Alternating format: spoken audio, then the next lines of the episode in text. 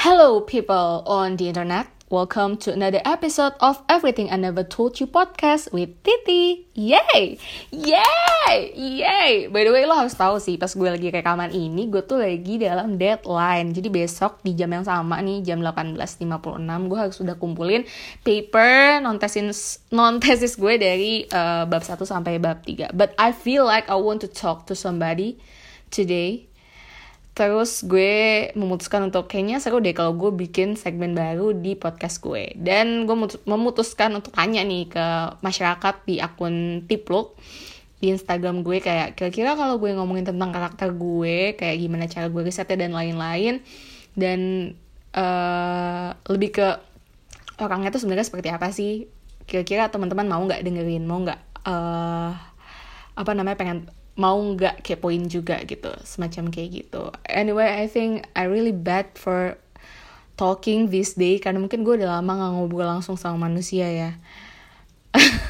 Sama nyokap bokap gue sih ya. Cuma maksudnya gue udah lama nggak teleponan atau ngobrol sama orang lama jadi kayak I really feel bad on talking but I'm trying my best to make this podcast good So, akhirnya gue bikin uh, segmen namanya Get to Know. Dan Get to Know ini nanti akan membahas uh, karakter-karakter yang udah teman-teman voting, boleh di Twitter, boleh di Instagram gue, di Rizka Padania, maupun di Tipluk. Dan hari ini, gue kaget sih sejujurnya, karena teman-teman rame banget uh, apa ya namanya responsnya. Karena sebenarnya ide dari get to know segmen ini datang waktu gue nonton videonya Rintik Seduh di YouTube-nya. Jadi dia bahas tentang karakternya dia namanya Jis. Tapi uh, dia nggak ada kayak nama segmennya apa gitu loh. Terus gue mikir kayaknya seru juga kalau gue punya gitu. Dan di get to know minggu ini rame banget yang minta Rea sama Dimas. Rea itu dari Between the Line dan Dimas itu dari It Was Until It Wasn't. Tapi ini beneran yang kayak pas pertama kali gue buka itu yang dikejar tuh Rea sama Dimas gitu loh. Gue gue bingung sebenarnya karena mungkin episode pertama juga dan mungkin teman-teman lebih kenalnya sama Rea kali ya. Lebih familiar sama Rea karena Rea walaupun udah selesai lama tapi sampai sekarang gue masih kayak suka bikinin uh, chat-chat lucunya mereka gitu atau masih suka share-share cerita-ceritanya gitu karena menurut gue uh, kalau konten hero semacam Between the Line, It Was Until It Wasn't itu tuh sesuatu yang kayak long lasting gitu loh. Even ceritanya udah selesai pun, gue akan tetap mempromosikan sebisa gue gitu loh. At least sebulan beberapa kali lah. Jadi teman-teman masih tetap aware kalau karakter itu emang nyata dan deket sama teman-teman. Even ceritanya udah selesai karena mungkin aja ada uh, pembaca baru yang baru datang terus mungkin lebih cocok sama Between the Line daripada konten hero yang lagi jalan sekarang gitu itu was until it wasn't. Jadi gue kayak pengen teman-teman ya uh, tetap aware sama cerita cerita Rea dan Aga. Dan akhirnya gue bikin polling kan karena Rea sama Dimas rame banget nih.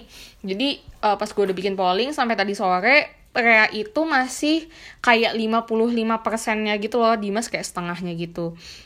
Lebih deh kurang dari setengah. Jadi gue pun memutuskan untuk oke okay, kita hari ini ngobrolin tentang Rea dan juga kehidupannya dia di Between the Line. Nah, sejujurnya Rea itu datang dari keimpulsifan gue. Waktu itu di tahun 2019 November, gue tuh udah suka banget sama Itzy. Itu kayaknya zaman zamannya 2019 itu apa ya? IC kayaknya. IC, ya habis IC. Uh, nah, habis itu gue lagi di Bandung seingat gue eh enggak itu sebelum gue ke Bandung. Sebelum gue ke Bandung gue udah berpikir untuk uh, gue pengen bikin cerita uh, dan ceritanya itu visualnya pakai uh, si uh, Yeji Itzy dengan namanya kayak titik. Karena di kepala gue ini cewek kayak banget gitu tapi gue nggak tahu Rea-nya mau gue bawa ke mana jadi di kepala gue masih Yeji dengan nama Rea gitu nah habis itu gue bikin lah di tanggal 7 November ini gue nulis di uh, akun gue, gue tulis kayak celebrating 14 hari sebelum sidang proposal, mau bikin cerita isinya 10 sampai 12 chapter. Fotonya Eiji Izzy. Terus habis itu uh, di bawahnya tulisannya lagi satu chapter satu hari. Kenapa gue harus bikin kayak gini? Karena gue pengen move on. Nah, pada masa itu gue lagi pengen banget move on karena gue lagi terjebak di satu hubungan bersama cowok yang kayak Rai Satya. Mungkin teman-teman kalau ada yang ngedengerin podcast ini dan pembaca Between the Line pasti kenal lah gimana stresnya kayak ketika nulis uh, ketika lagi punya hubungan sama Raya Satya dan kurang lebih aku tuh punya hubungan sama cowok kayak Raya Satya gitu loh udah deh akhirnya aku uh, ngambil Yeji Izzy dan aku ngambil kayak terus uh, kalimat per, pas pertama kali aku uh, melahirkan Rea di 7 November 2019, aku itu belum kenal penokohan dan lain-lain. Jadi mungkin kalau di uh, podcast yang ini kamu akan agak sedikit kenapa ya Kak Titi uh, impulsif banget gitu, kenapa Yeji duluan, kenapa nggak bikin karakternya duluan? Karena waktu itu aku belum ngerti tekniknya. Aku cuman mikir kayak gue pengen nulis cerita namanya Rea mukanya Yeji udah gitu doang masih masih sederhana itu gitu loh Nah, kalimat pertama yang Reat uh, keluarkan. Jadi ini di draft aku di 7 November, draft pertama, judulnya bagian pertama. Uh, agak ngechat duluan, are you awake? Terus Rea balas, tidur BG. Itu chat pertama, itu kalimat pertama Rea di kehidupan ini. Nah dari situ aku mencoba develop Rea Terus uh, Rea ini sebenarnya udah mengalami beberapa kali pergantian teman-teman. Tapi yang paling jelas dari pertama kali aku membuat Rea Eleanor Wijaksono, aku sudah berpikir perempuan ini adalah seseorang yang berzodiak Capricorn. Nah, kenapa sih Capricorn? Karena pada saat itu aku uh, lagi di uh, fase di mana um, aku mencoba menemukan diriku yang selama ini hilang karena terlalu tenggelam sama pekerjaan dan society. Karena aku lama bareng sama sekelompokan orang dan menjadi leader dari satu tempat yang besar, aku jadi blend in sama orang sampai aku kayak menyamakan tempat kerjaku sama diriku sendiri. Kayak let's say gini deh, apa yang terjadi sama Joelada itu adalah cerminan apa gue pada masa ini gitu loh. Dan aku jadi kayak aku nggak tahu sebenarnya aku orangnya seperti apa gitu. Dan aku mempelajari kalau oh mungkin kayaknya gue bisa deh belajar dari zodiak zodiakan gitu tahun-tahun itu tuh aku lagi belajar zodiak banget gitu dan aku ngerasa aku suka sama zodiakku sendiri aku tuh sebenarnya Capricorn dan aku uh, karena aku suka sama Capricorn, aku pengen belajar orang Capricorn itu sebenarnya semua kayak gue nggak sih gitu. Kayak gue nggak sih yang pikirannya tuh ribet gitu. Kayak gue nggak sih yang pikirannya tuh kayak uh, kerja kerja kerja gitu loh. Nah maka dari itu aku memilih untuk uh, kasih kayak Eleanor Wijaksono ini adalah seorang yang Capricorn. Capricorn itu orang yang biasanya dia punya temennya banyak, tapi kenalan sih lebih kenalannya banyak, tapi dia punya circle kecil yang dia keep forever gitu loh. Jadi kayak teman-teman yang lainnya tuh cuman kayak ya kenalan aja gitu, tapi temenan. Tapi kalau sama yang circle kecilnya itu dia lebih intens dan lebih deket. Nah ini digambarin dengan gimana Rea punya agak sama Jaja.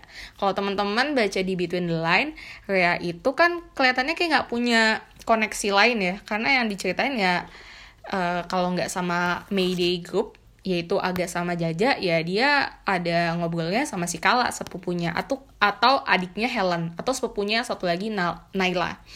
Nah, baru ada perkembangan dia punya teman-teman baru ketika dia mulai nulis buku. Waktu itu dia punya uh, Irene, editornya.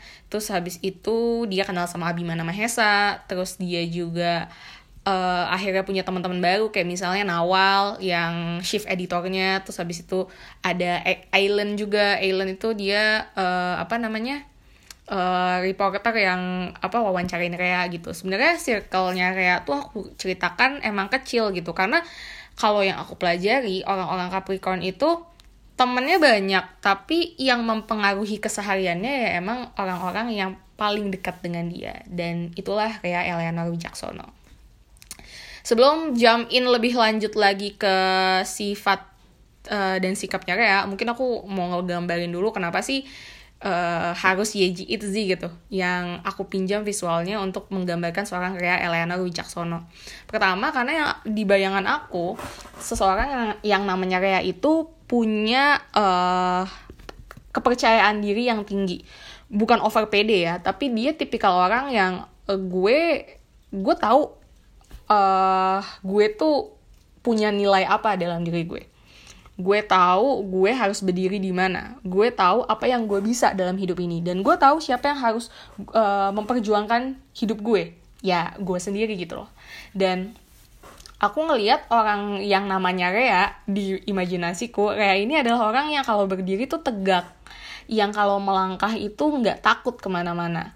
Dan wajahnya tuh tipikal yang uh, kalau orang ngeliat dia tuh kayaknya jutek deh. Kayaknya nggak ramah deh. Tapi kalau lo udah lihat dia ketawa lo udah lihat dia mencoba untuk menatap mata lo dengan dalam lo bakal ngerasa kalau oh nih orang tuh punya kasih sayang yang lebih gitu sama orang lain. Nah terus yang namanya Rea di kepalaku adalah orang yang kalau misalnya uh, orang lain mau mendekat orang tuh minder kalau teman-teman inget aku lupa di chapter berapa tapi waktu itu uh, Rai Satya baru deket sama Rea nah terus habis itu uh, teman-temannya Rai Satya itu yang geng The Switchblade itu cerita kayak eh bukan cerita dia ngomong kayak gue udah lihat nih uh, IG-nya Rea gitu. Nah setelah gue lihat IG-nya Rea, kayaknya cewek kayak gini nggak mungkin jomblo deh dan mau sama lu gitu. Jadi sebenarnya bukan karena Reanya cantik banget, bukan karena Reanya pakai visual Itzy, Yeji Itzy gitu, tapi auranya Rea itu bikin orang kadang segan untuk ngedeketin dia Nah, aku ngebayangin yang namanya Rea tuh seperti itu, apalagi nama belakangnya adalah Eleanor Wicaksono. Di bayanganku dengan nama Eleanor Wicaksono, dia tuh ngebawa nama keluarga yang dia tuh udah firm banget, dia udah kuat, udah kokoh banget untuk berdiri di dunia ini.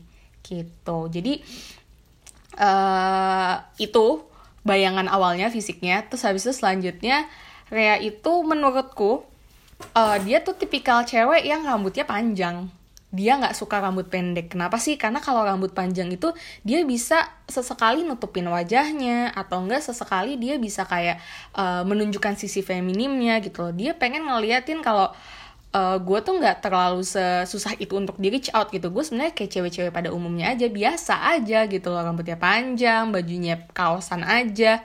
Aku tuh pengen nunjukin sisi-sisi kayak yang seperti itu. Dan uh, pas di kepala aku uh, memvisualisasikan Rea terus aku juga lagi fangirling Itzy CAG ini aku ngeliat match banget gitu loh. Dengan uh, apa kesan Rea yang pengen aku uh, ceritakan kepada teman-teman dan apa yang Yeji Itzy miliki. Seperti itu. Terus mungkin kelebihan lainnya Yeji itu aku suka sama matanya Yeji sih.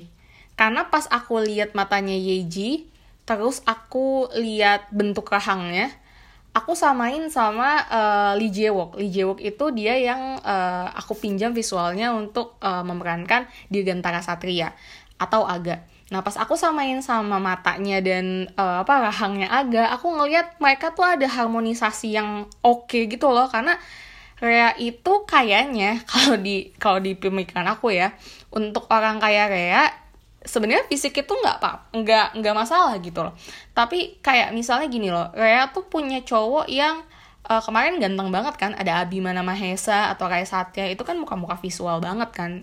Karena itu ada Jeno Jeno yang mainin uh, Abimana terus habis itu Rai Satya yang mainin uh, Rowan. Rowan gak sih namanya? Gue lupa deh dia anak SF9 kalau nggak salah dia juga visual.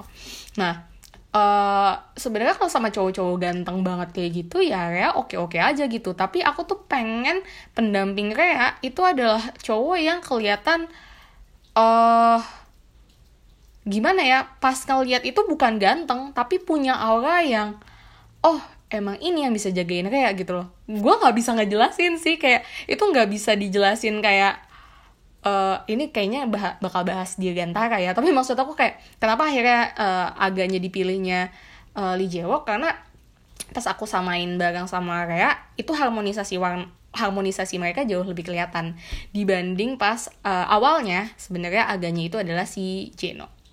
Jadi kayak agak kurang masuk aja karena Jeno tuh ganteng banget. Jeno tuh tipikal cowok yang rahangnya bagus terus ganteng tinggi putih gitu loh aku nggak aku nggak menemukan sosok agaknya di Jeno gitu. Tapi pas aku lihat uh, Lee Jae-wook terus habis aku lihat Yeji ternyata cocok gitu. Nah mungkin kalau misalnya tentang agak nanti ya lain kali kita ceritain. Secara fisik mungkin kayak gitu udah aku aku paparin tentang Rea. Uh, ada alasannya kenapa aku memilih dia rambut panjang dan lain-lain. Karena itu ada representasinya sendiri dengan sikap dan sifat dia sehari-hari. Selanjutnya uh, tadi udah bahas sedikit tentang Rea yang apa namanya punya latar Capricorn which is ambisius. Ambisius dan sebenarnya dia needy parah. Makanya kalau misalnya teman-teman bisa lihat uh, dia tuh kalau ke Aga tuh bener-bener yang kayak aduh Aga sayang gitu. Sama Rai juga gitu kan sama Abimana juga gitu. Karena dia emang pada dasarnya tuh suka disayang seneng disayang seneng ada orang yang manjain dia gitu loh. Tapi dia nggak bisa nunjukin itu ke semua orang karena untuk beberapa hal kayak ini uh, harus bisa terlihat tangguh dan bisa bertanggung jawab. Apalagi karena dia uh, aku ceritakan dia adalah uh, anak pertama anak yang punya seorang adik perempuan dan dia punya keluarga yang cukup tidak baik karena bokapnya kan selingkuh nih ceritanya. Dan bokapnya juga selingkuh karena self esteem bokapnya tuh turun banget gitu loh. Dan uh, saat itu Rhea cuman kayak ngerasa harusnya lu bisa work it out gitu loh sama nyokap. Bukan lo malah kabur bersama cewek lain gitu loh. Dan itu yang bikin Rhea makin ngerasa kalau dia punya tanggung jawab lebih untuk kelihatan lebih tough sama orang-orang. Makanya uh, dia nggak kesembarang orang bisa kelihatan semanja itu. Dan dia lebih kayak kalau uh, diperhatikan lagi ada di beberapa bab misalnya kayak waktu itu dideketin sama Rai Satya terus habis itu ditanyain tuh sama si Kala kayak e, lu kenapa sih uh, masih nanya sama gue gitu? Padahal lu ke sini cuma minta konfirmasi doang kan? Lu mau gue omongin gimana juga lo gak bakal berubah kan? Karena lu cuma percaya apa yang lo percaya gitu loh. Terus kayak yang kayak iya karena kayak masa keras kepala itu. Dan itulah Capricorn gitu loh. Capricorn tuh cuma percaya sama apa yang dia percaya gitu. Makanya sebenarnya agak sulit juga untuk meluluhkan Capricorn, meluluh meluluhkan si Rhea ini. Dan kalau emang Capricorn sekalinya udah luluh ya dia akan luluh terus gitu. Tapi kalau dia udah gak suka ya dia nggak akan suka terus gitu. Mungkin ini bisa berlaku sama pas uh, Rai Satya waktu itu kayak uh, ninggalin dia di GBK ingat gak sih terus ngebalikin AirPods? Itu kan brengsek banget ya. Terus pas Rai Satya akhirnya ketemu lagi sama Rhea ya Rhea cuman kayak it's too late gitu loh. Ya karena dia juga udah selesai di hatinya. Gitu. Nah mungkin selanjutnya uh, banyak pertanyaan tentang kenapa Rea tuh what if banget sih gitu loh. Kenapa sih Rea tuh terlalu banyak berpikir? Kenapa sikapnya itu dibikin uh, sikap dan sifatnya tuh dibikin terlalu ragu-ragu dan banyak mikir gitu loh. Kayak ragu-ragu aja gitu. Kalau kalau masalah cinta ya when it comes to love. Kecuali kalau tentang kerjaan. Kalau teman-teman bisa lihat gimana kayak kayak step by step pekerjaannya tuh bagus gitu loh. Karena dia kelihatan emang fokus gitu kalau ngerjain. Kayak dia ngerjain buku dari awal dia bilang sama Aga gue lagi ngerjain buku tapi gue mau ini sempurna baru gue kirimin ke penerbit. Terus akhirnya dia kerja di apa di uh, Gramedia sebagai editor. Terus habis itu dia kerja di uh, apa dia bisa jadi MC juga dia bisa jadi youtuber bisa jadi segala macam gitu. Sebenarnya dia sama si Jaja yang Pisces ini mereka saling mengisi. Jaja itu sahabatnya bisa mengisi gitu loh. Reanya yang ambisius uh, Senjanya juga ambisius dan mereka kayak saling bisa uh, apa ya ngasih ngasih energi positif lah. Karena sebenarnya pas aku ciptain circle-nya Rea sebenarnya circle Rea yang utama itu kan ada Aga, Jaja, Kala, sama Helen. Nah mereka berempat ini adalah best matchnya si Rea. Makanya kenapa Rea nyaman banget sama mereka karena mereka ada di circle best best match gitu loh. Kayak si Kala sepupunya dia Taurus, habis itu si Senja dia Pisces, terus Aga dia uh, Scorpio, Helennya Virgo. Nah itu tuh uh, teman-teman yang atau elemen-elemen yang paling cocok sama Rea gitu loh. Makanya Reanya juga nyaman gitu dengan circle yang emang cuma sekecil itu. Nah, uh, balik lagi kenapa sih Rea terlalu what if dalam kehidupannya? Itu karena lebih ke gini sih, kita tahu backgroundnya Rea yang uh, apa ya nggak menyenangkan gitu kehidupannya. Kalau diperhatikan agak tuh nggak pernah diceritakan keluarganya karena Aga datang dari keluarga yang baik-baik aja gitu. Dia punya kakak bahkan baik banget si Diandra Sagita.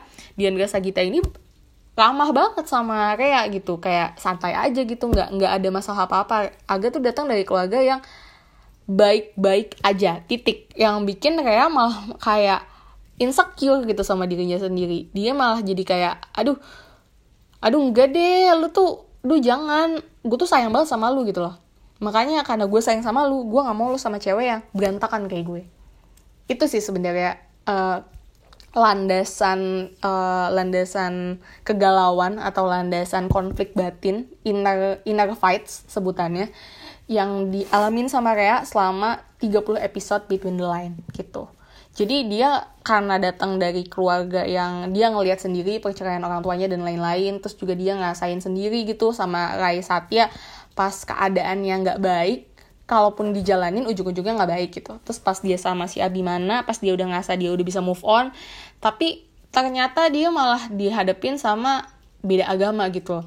Jadi uh, hal-hal tersebut beserta juga tanggung jawab dia untuk menjaga adiknya dan juga ibunya yang bikin kayak makin apa ya makin punya banyak banget pemikiran when it comes to uh, love gitu loh. Apalagi sama orang yang bener-bener dia cinta gitu.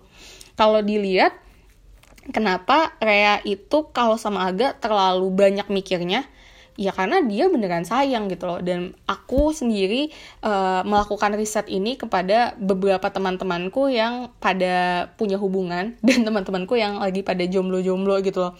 Ada beberapa orang yang kalau misalnya mau punya hubungan dia akan berpikir kayak gue tuh gue tuh worth it gak sih? Kayak kalau gue gak worth it mendingan gak usah deh lo gitu loh.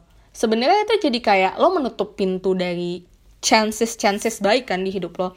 Cuman ada benernya juga gitu. Ketika orang mikir kayak gitu mereka uh, kalau positif ya pemikirannya mereka akan punya tendensi untuk uh, mengembangkan diri jadi the best version of they are gitu loh. Dan ketika mereka udah ngerasa mereka comfortable enough sama diri mereka sendiri gitu kayak apa yang mereka rasain pada akhirnya gitu kan dia akan bisa keluar dari zona pemikiran bahwa kayak gue nggak cocok kayak gue nggak pantas buat orang lain gitu. Dan kalau sama teman-teman yang pada punya hubungan aku aku dapat poin di mana uh, kadang ada orang-orang yang bisa jump into relationship dengan mudah karena mereka iya nothing tulus gitu loh. Tapi once lu sayang banget lu ngerasa ini berharga banget lu akan sangat hati-hati untuk melakukannya atau uh, mengambil keputusan terhadapnya gitu. Mungkin ini bisa di di apa ya bisa dianalogikan seperti misalnya gue hari ini uh, mau milih makan. Sama gue hari ini mau milih tempat kuliah. There's two kind of things yang harus dipilih. Tapi yang satu eh tapi pada dasarnya itu sama-sama sebuah kegiatan yaitu memilih gitu loh. Tapi apa yang dipilihnya itu kan value-nya berbeda. Yang satu adalah mie yang ya ya udah gitu. Gue tahu sih gue lapar eh gue lapar ya udah gue pengen makan ya udah pada saat itu aja gitu loh. Tapi kalau masalah tempat kuliah kan itu bakal berentet ke mana-mana mana gitu loh. Dan ini tempat kuliahnya yang dipermasalahkan gitu. Atau kalau misalnya itu emang udah terlalu jelas untuk uh, perbedaannya tapi kalau misalnya agak sama cowok-cowok lain Rea kenapa sih nggak nggak terlalu eh kenapa sih Rea harus terlalu berpikir sama Aga tapi kalau sama yang lain kayak mau-mau aja gitu. Mungkin karena mereka bukan aga. Mereka bukan orang yang kayak bener-bener sayang. Mereka bukan orang yang bener-bener kayak pikirin banget gitu. Jadi uh, kalau aku pribadi selama riset ini uh, aku ngerasa aku lebih banyak menghargai hubungan komunikasi interpersonal antara orang sih. Interpersonal itu komunikasi uh, hubungan antara dua orang uh, atau lebih. Dan biasanya komunikasi interpersonal itu yang membangun uh, chemistry atau uh, apa namanya kayak hubungan jarak jauhnya dari satu orang ke orang yang lain. Tapi uh, apa yang terjadi atau hasil dari komunikasi interpersonal itu didasari dari gimana si uh, apa namanya si orang yang sedang melakukan komunikasinya punya komunikasi yang baik dengan dirinya sendiri jadi balik lagi sebenarnya apa pun yang ada di kepala lo, apa pun yang lo pikirin sama diri lo sendiri itu yang akan uh, mencerminkan bagaimana nantinya komunikasi lo dengan komun orang lain. Gitu. Makanya kalau teman-teman bisa lihat perubahannya Rea dari bab 1 sampai ke bab 30, 29 30 kayaknya 29 sih karena Rea kan turning point akhirnya wah kayaknya ini udah nggak bener deh gue harus ngejar agak titik masa bodoh gitu. Gue harus ngejar agak itu kan di bab 29 kan pas uh, Senja sama Ag Senja sama Kala lagi tunangan. Lagi ngadain pesta tunangan. Uh, dan di situ selama 29 episode ya kita bisa lihat Rea sedikit demi sedikit uh, mencoba untuk apa ya namanya berdamai sama inner inner fightnya dia gitu loh mencoba untuk mempositifkan yang ada di kepala dia sampai akhirnya dia bisa dapat pemikiran yang positif. Dan pemikiran positif itu bisa dapat dari mana sih? Ya ketika kita udah uh, apa ya namanya kita udah bisa menerima apa pun yang ada di sekitar kita gitu loh. Ketika kita nggak terlalu berharap sama dunia ketika kita melakukan sesuatu ya Bismillahirrahmanirrahim untuk yang hal yang baik gitu loh. Kan di episode 29 juga udah digambarin kan kalau Raya tuh akhirnya mendapatkan karakter developmentnya gitu. Dia dia ngobrol sama Helen. Terus Helen bilang lu ngejar apa lagi sih? Gitu loh. Kehidupan kita udah baik-baik aja. Gue udah bisa makan gue udah kerja bahkan. Nyokap baik-baik aja lu baik-baik aja. Kala bahkan udah mau nikah. Semua impian lo udah tercapai. Lu mau ngapain lagi gitu loh. Abimana bahkan udah nikah sama orang lain gitu loh. Yang lu sayang kan uh, agak gitu loh ya udah gitu. Udah nggak ada udah nggak ada pemikiran bahwa lu udah nggak pantas lagi buat agak karena semua hal-hal jelek yang ada di masa lalu lu semuanya udah sirna. Lu udah bisa menyelesaikan masalah-masalahnya dan lu jadi orang yang baik sekarang. Lo sangat baik untuk aga gitu loh. Dan ketika ada dukungan yang baik gitu dan si Reanya juga sebagai Capricorn akhirnya bisa melihat sendiri bahwa oh iya gue udah bisa kok kayaknya untuk ngajar Aga gitu akhirnya dia punya komunikasi interpersonal dengan orang lain yang jauh lebih baik gitu loh. Komunikasi dia sama Aga nggak lagi kode-kodean gitu nggak lagi. Kan kalau selama ini gini loh kayak mereka tuh pengennya saling ngerti aja gitu. Kayak kayak ngomong apa ya Aga pasti ngerti gitu. Tapi ada beberapa hal yang nggak bisa digituin gitu. Makanya di chapter 30 Aga langsung kayak kayak kita udah nggak bisa kode-kodean deh. Mending kita ngomong langsung gitu loh mau apa gue mau apa. Gitu. Walaupun sebenarnya mereka saling ngerti satu sama lain dan kalau ngomongin tentang Rea sendiri um, tokoh ini unik banget sih. Karena uh, aku pribadi ngerasa si tokoh ini berkembangnya emang cukup cukup lama ya. Karena dari bab 1 ke bab 29 kan lama dong gitu. Biasanya tuh orang punya perubahan kalau chapter 30 ya di chapter 20-an awal lah gitu atau enggak ke 25 gitu. Tapi ini tuh baru bener-bener yang berubah. Oke okay, gue mau gininya di 29 tapi aku ngerasa ya, kayak itu real. Kayak itu nyata gitu. Kayak tuh bener-bener manusia yang bertumbuh sama aku. Aku ngerasa kayak aku kenal sama Rea bener-bener dari kayak orok gitu. Kayak masih kicik banget sampai akhirnya sekarang. Udah gede udah kerja di Gramedia dan lain-lain. Udah jadi guru bahasa Inggris eh Indonesia sorry. Udah ke Australia dan lain-lain. Aku ngerasa aku ngeliat pertumbuhan kayak walaupun uh, sebenarnya di chapter-chapter terakhir di 26 ke sana itu kan teman-teman lebih banyak dapat uh, flashback yang apa ya yang jumping scene-nya tuh agak jauh gitu loh jumping time ya kayak tadinya tahun berapa terus ke bulan apa tahun berapa gitu. Dan aku agak sayangin di situnya sih karena banyak banyak hal yang sebenarnya bisa dikasih tahu kan dalam perjalanan itu. Cuman kalau misalnya harus gue jelasin secara detail gitu kayak ujung-ujungnya panjang banget nggak jadi 30 chapter gitu loh. Tapi yang jelas teman-teman udah kebayang lah uh, perkembangan Rea gimana sih? Dari Rea akhirnya tahu nyokap bokapnya cerai kan dia memilih untuk keluar negeri terus dia mengembara hidup sendiri dan lain-lain gitu loh. Mengembara nggak tuh bahasa gue tapi dari situ kita bisa ngeliat Rea bertumbuh gitu. Dia akhirnya bisa bisa mencoba untuk oke okay, yuk pelan-pelan. Beresin yuk satu-satu satu-satu. Dan setelah itu semua udah selesai dia tanpa punya pemikiran untuk setelah membereskan ini semua dibalik ke Aga. Tapi ternyata karena emang jodoh ujung-ujungnya ya ketemu lagi sama Aga. Gitu.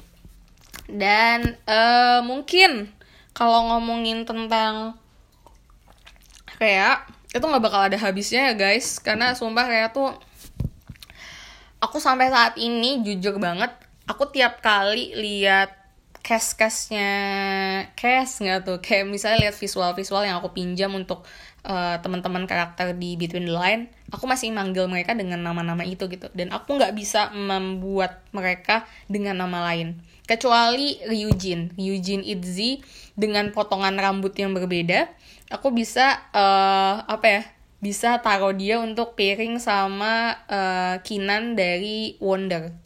Kinan Kinan itu visualnya Kim Won Pil Day6 cuman Ryujin aja. Sisanya aku nggak bisa. Kayak misalnya Charyong Charyong Itzy kan Helen. Terus habis itu uh, skala. Skala itu adalah si siapa? Si Jaehyun. Terus uh, Jewok gitu. Aku nggak bisa ngelihat orang-orang itu dengan nama lain gitu dan buat aku mereka udah jadi bagian bagian yang nyata gitu bagian yang emang itu Yeji gitu eh emang itu Aya gitu emang itu kayak dan lain-lain. By the way ngomongin tentang nama kecil juga nih. Jadi nama lengkapnya kan kayak Elena Wicaksono nih kayak itu kan. Nah sebenarnya kalau dari draftnya ya guys. Ini aku buka dulu nih draftnya. Draftnya itu dia dipanggilnya Elea sama Aga Aga manggilnya Elea karena dari Eleanor Nah terus abis itu aku di awal-awal nulis Between the Line aku masih manggil dia kayak dan panggilan kesayangannya Aya atau Rea sebenarnya awalnya adalah Rere. Rea, Rere. Nah tapi pas aku ketik-ketik Rere tuh nggak enak gitu. Rere tuh nggak sweet on her gitu loh. Nggak nggak Aya banget, eh nggak Rea banget gitu. Jadi akhirnya aku berpikir dari Rea apa ya? Iya, Rea, Aya jadi akhirnya ayah ayah agak dan that's really really impulsive one.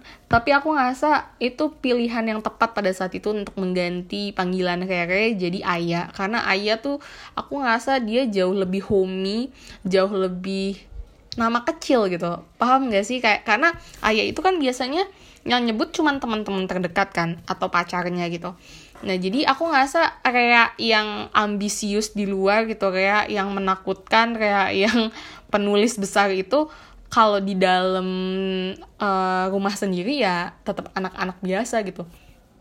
Tetap orang yang butuh kasih sayang tetap orang yang butuh di uh, apa dilindungi ya seperti si ayah ini gitu. Dan apalagi yang bisa dibahas dari Rea ya uh, tadi riset udah aku jelasin juga lain-lain. Hmm, pas aku nulis Rea ini aku banyak banget nonton film-film uh, ini kan uh, Friendzone. Dan salah satunya aku habiskan itu serial How I Met Your Mother. Itu ada 10 series. Sorry ada 9 9 atau 10 series ya? Coba kita How I Met Your Mother itu wait dia ada 9 season. Sama Friends. Friends-nya uh, 10 season. Nah itu masing-masing kalau dijumlahin ya kurang lebih ada sekitar 400 sampai 500 uh, apa namanya?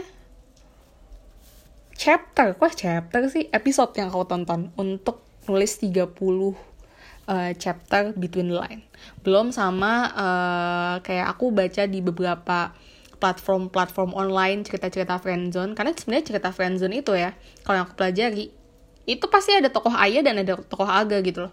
Bahkan yang aku kagetin adalah ketika kemarin aku baru banget baca di Januari awal kemarin baca bukunya Valerie Patkar judulnya Nonversation. Di situ nama tokohnya Dirga sama Teala.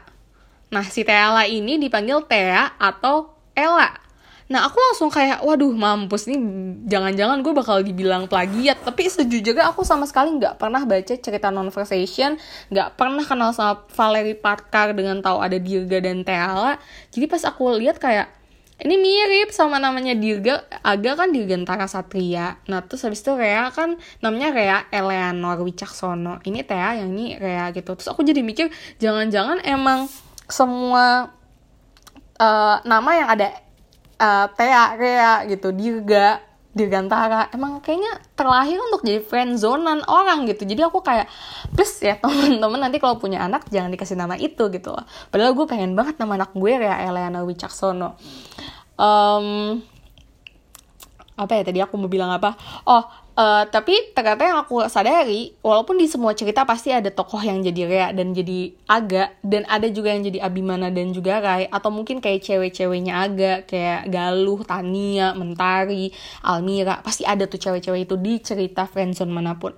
Yang membedakan adalah how you deliver dan gimana lu menciptakan karakter itu. Dan menurutku pribadi, aku aku sih jujur-jujur aja ya guys, aku ngerasa selama ini aku nggak pernah develop uh, tokoh yang sama kayak si Rea ini gitu. Dan bahkan Rea ini kan sebenarnya trial and error kan. Aku pertama kali nulis di 7 November 2002, 2019 dan aku kayaknya ngerasa baru bener-bener bikin penokohannya dia tuh di bulan Mei Mei Juni 2020 kayak Mei Meian lah aku baru bikin gitu. Jadi menurutku uh, pasti pasti banget ada tokoh yang mirip di dunia ini. Karena namanya manusia ya itu itu aja kan sebenarnya masalah dan kegalauan dan kegundahannya.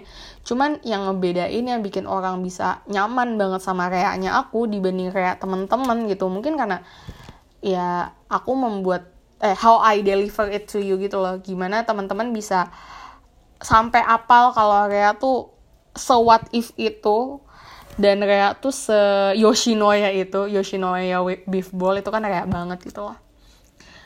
Padahal cuma 30 chapter. Gitu. Dan uh, untuk menutup ini semua mungkin bisa memperjelas lagi bahwa kayak ini harusnya dari awal sih. Ada beberapa teman-teman yang bacanya kayak Eleanor Wijaksono. Ada juga yang baca kayak Eleanor Wicaksono nah kalau aku pribadi aku tuh jujur sampai saat ini ini demi Allah aku nggak bohong aku masih bingung untuk menentukan antara Wicaksono atau Wijaksono. Jadi mungkin kalau teman-teman habis dengerin podcast ini boleh kasih tahu sama aku kira-kira lebih enak kedengarannya kayak Eleanor Wijaksono atau Wicaksono. Karena aku kadang suka ganti-ganti gitu. Tapi yang jelas aku suka banget sama nama Rea ini. Dan aku ngerasa kalau kalaupun ada uh, kesempatan lagi untuk menulis ulang. Aku sangat ingin menulis ulang Rea. Tapi kalau pertanyaannya pengen nggak bikin Rea season 2 karena kan kemarin aku udah bikin tuh yang always itu. Aku ngerasa aku belum menemukan karakter development yang tepat untuk seorang Rea. Jadi uh, mungkin aku emang harus hold dulu gitu loh untuk aku pelajarin lagi kira-kira dia akan berkembang seperti apa sih ke depannya. Gitu. Dan ini udah sampai ke penghujung acara. Terima kasih banyak untuk uh, teman-teman yang udah dengerin podcast aku yang gue tuh niatnya 10 menit sampai 20 menit tapi ternyata gue kalau ngomongin orang tuh lama ya Wak. Lama banget gitu. Jadi ini ternyata udah mau 40 menit gitu loh. Dan ini ada hal yang belum gue kasih tahu gitu loh. Kayak misalnya uh, kayak plus minusnya kayak gitu. Kayak mungkin udah di summary up ya dari semua cerita yang tadi mungkin kalau dibilang minusnya kayak adalah Rea kalau misalnya masalah perasaan dia takut banget. Tapi ya teman-teman tahu kenapa dia kayak gitu. Karena dia kalau udah sayang sama orang udah sincere banget sama orang ya dia akan beneran mengusahakan gitu loh. Dan um, kelebihan Rea apa? I don't know. Kayak kayaknya manusia biasa sih Rea tuh sebenarnya uh, proyeksi dari impian aku sebagai penulis sih. Karena kan biasanya penulis itu menuliskan sesuatu yang emang jadi impian dia atau bagian dari doa-doanya dia. Dan aku tuh ngerasa ada beberapa hal di diri aku yang aku inginkan, aku put it on tuh ke Rea gitu. Bahkan ke sifat sikapnya yang aku juga masih belajar untuk bisa kayak Rea aku kasih ke Rea salah satunya sih tanggung jawabnya Rea sih aku suka banget sama gimana caranya dia bertanggung jawab sama dirinya sendiri dan uh, moto dia yang sex before marriage yang no sex before marriage ada no nya depannya sorry gue lupa. No sex before marriage itu adalah hal yang aku suka banget jujur. Dan untuk uh, developer ini aku mau bilang makasih dulu ke salah satu sahabatku ada namanya Helen aka Trivena Ellen yang udah ngebantu aku banget untuk riset karena ini kan aku bikin latarnya Rea itu anak Jakarta Selatan dan dia anak gereja. Dan aku bukan anak Jakarta Selatan dan aku juga bukan anak gereja. Tapi uh, alhamdulillah Helen mau banget kalau aku telepon aku tanya-tanyain tentang gereja tuh gimana gimana gimana gimana. Aku kebayang anak gereja yang tadinya aktif dan jadinya nggak aktif kayak Rea atau gimana. Dan itu semua karena uh, aku riset ke teman-temanku dan juga mau baca-baca gitu. Semoga ini bisa ngebantu teman-teman juga untuk lebih memahami Rea. Dan kalau misalnya ada yang udah dengerin podcast ini tapi belum sempet uh, baca ceritanya, boleh cek di Joylada namanya Between the Line. Dan Between the Line ini sampai tanggal 31 Januari masih aku kasih free. Tapi masuk ke tanggal 1 Februari rencananya udah mulai aku lock satu per satu chapternya. Jadi semoga teman-teman juga uh, sempat untuk baca bacanya tapi kalaupun emang nanti udah di lock, aku jamin sih ini worth it sih. Insya Allah ini worth it. Sampai jumpa lagi ya di Get to Know My Character next time. Tapi namanya Get to Know sebenarnya. Dan kalau misalnya kamu ada karakter yang kamu pengen aku ceritain lagi, boleh kasih tahu aja di Twitter aku di @rizky_rahmadania atau enggak di Instagram Rizky Rahmadania atau di Tipluk kaknya dua. I'll see you soon guys. Bye bye.